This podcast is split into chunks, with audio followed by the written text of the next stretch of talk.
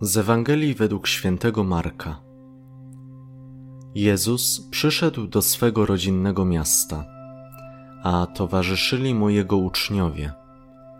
Gdy zaś nadszedł szabat, zaczął nauczać w synagodze, a wielu, przysłuchując się, pytało ze zdziwieniem: Skąd to u niego? I co to za mądrość, która mu jest dana? I takie cuda dzieją się przez jego ręce. Czy nie jest to cieśla, syn Maryi, a brat Jakuba, Józefa, Judy i Szymona? Czyż nie żyją tu u nas także jego siostry? I powątpiewali o nim. A Jezus mówił im: Tylko w swojej ojczyźnie, wśród swoich krewnych i w swoim domu może być prorok tak lekceważony. I nie mógł tam zdziałać żadnego cudu, jedynie na kilku chorych położył ręce i uzdrowił ich. Dziwił się też ich niedowiarstwu. Potem obchodził okoliczne wsie i nauczał. Ten fragment ukazuje wyjątkowy moment, w którym mieszkańcy Nazaretu nie są w stanie zaakceptować Jezusa jako proroka i nauczyciela, co ogranicza jego zdolność do działania wśród nich. To również moment, w którym Jezus doświadcza zaskoczenia i rozczarowania ze strony ludzi, których dobrze znał.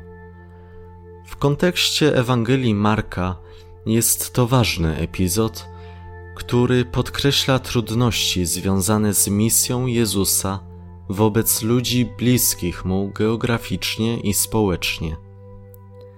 Reakcja mieszkańców Nazaretu ukazuje, jak silne mogą być społeczne ograniczenia i uprzedzenia. Ludzie ci, zamiast postrzegać Jezusa przez pryzmat jego nauki cudów, utknęli w stereotypie związanym z jego rodziną i z miejscem pochodzenia.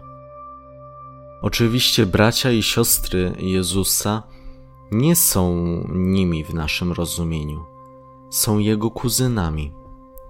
W językach, których używał Jezus i Żydzi, na krewnego, nieważne czy brata, czy kuzyna, używało się tego samego słowa. Słowa Jezusa o tym, że tylko w swojej ojczyźnie, wśród swoich krewnych i w swoim domu jest prorok bez szacunku, wskazują na jego refleksję nad ograniczeniem wiary i akceptacji w miejscu, które znał najlepiej.